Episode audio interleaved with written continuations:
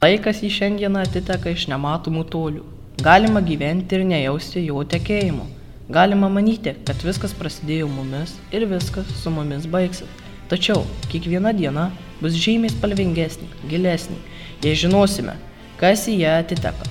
Kokios nematomos požeminės upės atplukdo praeitim nugrimzdusius įvykius, sukaktis, faktus ir žmonės. Iš 1991 m. sausio 13 atiteka laiko upiai į šiandien dieną.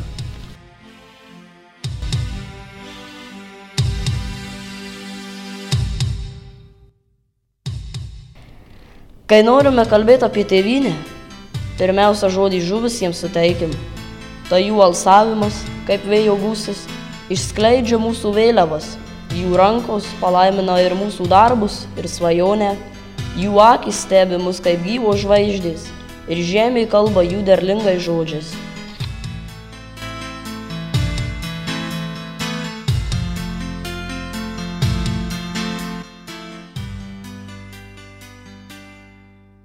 Tūkstantis devyni šimtai devyniasdešimtųjų metų kovo vienuoliktąją Lietuvos aukščiausioji taryba, vykdydama lietuvių tautos valią, nutarė, kad Lietuva atsiskiria nuo Sovietų sąjungos ir vėl tampa nepriklausoma valstybė. Tai buvo drąsus ir svarbus žingsnis, nes tuo metu Lietuvoje tebebuvo sovietiniai kariuomeniai, kuri bet kurią akimirką galėjo gauti savo valdų įsakymą sustabdyti lietuvių tautos žengimą į laisvę.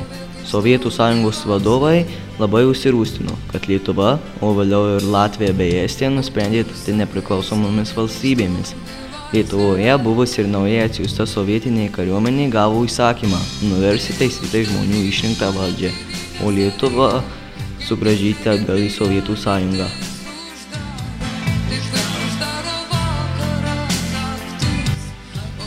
Kad žinios apie rengiamą smurto žygį prieš Lietuvą nepasklistų pasaulyje, kariuomenė buvo įsakyta pirmiausia žimti Vilniuje esančius spaudos rūmus, kur buvo leidžiami svarbiausia Lietuvos laikraščiai ir žurnalai. Nulat būdavo daug užsienio žurnalistų. Spaudos rūmai buvo užgrobti, bet jau apie tai sužinojo visas pasaulis. Lietuviški laikraščiai taip pat nenustojo ėję, tik jų leidėjai turėjo persikelti dirbti kitur. Netrukus po to buvo įsakyta nutildyti Lietuvos televiziją ir radiją.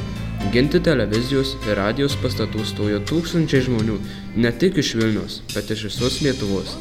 1991 m. sausio 13 naktį sovietų kariuomenė puolė Vilniaus televizijos bokštą ir kitus pastatus, šaudė be ginklų žmonės, mušė juos, traiškai tankais. Aš bijau.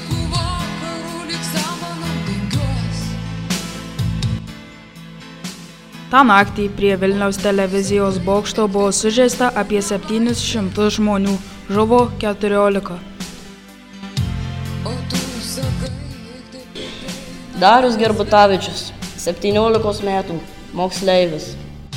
Loreta Asanevičiūtė, 24 metų. rimantas juknevičius dvidešimt metų Ignas Šimulionis, 17 metų, Algimantas Petras Kovaliokas, 52 metų. Vidas Maciulevičius, 25 metų. Alvydas Matulka, 31. Apolinaras juozas povilaitis penkiasdešimt metų Virginijus Druskis, 22 metų, studentas. Vitas Masiulis, 29 metų. Rolandas Jankauskas, 22 metų, studentas. Alvydas Kanapinskas, 39 metų. vytautas vaitkus keturiasdešimt metų Vytautas Koncevičius, 50 metų.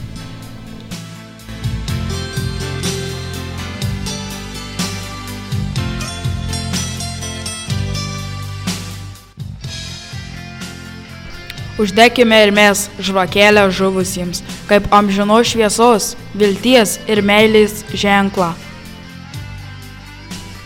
Dabar kiekvienas pagalvokime mintyse, ar mes verti aukos, vardu gyvybė, kurią sudėjo Lietuvos gynėja ant laisvės aukuro, tą baisę sausio 13 naktį. Prieš tankus rankom tuščiomis stovėję, mirties, kančios ir skausmo nepabūgę. Ar mes įvertinam jų žygių prasme, ar mes suprantam jų aukos didybę. Dabar akimirką sustoja tyliai, kiekvienas pagalvokit apie tai.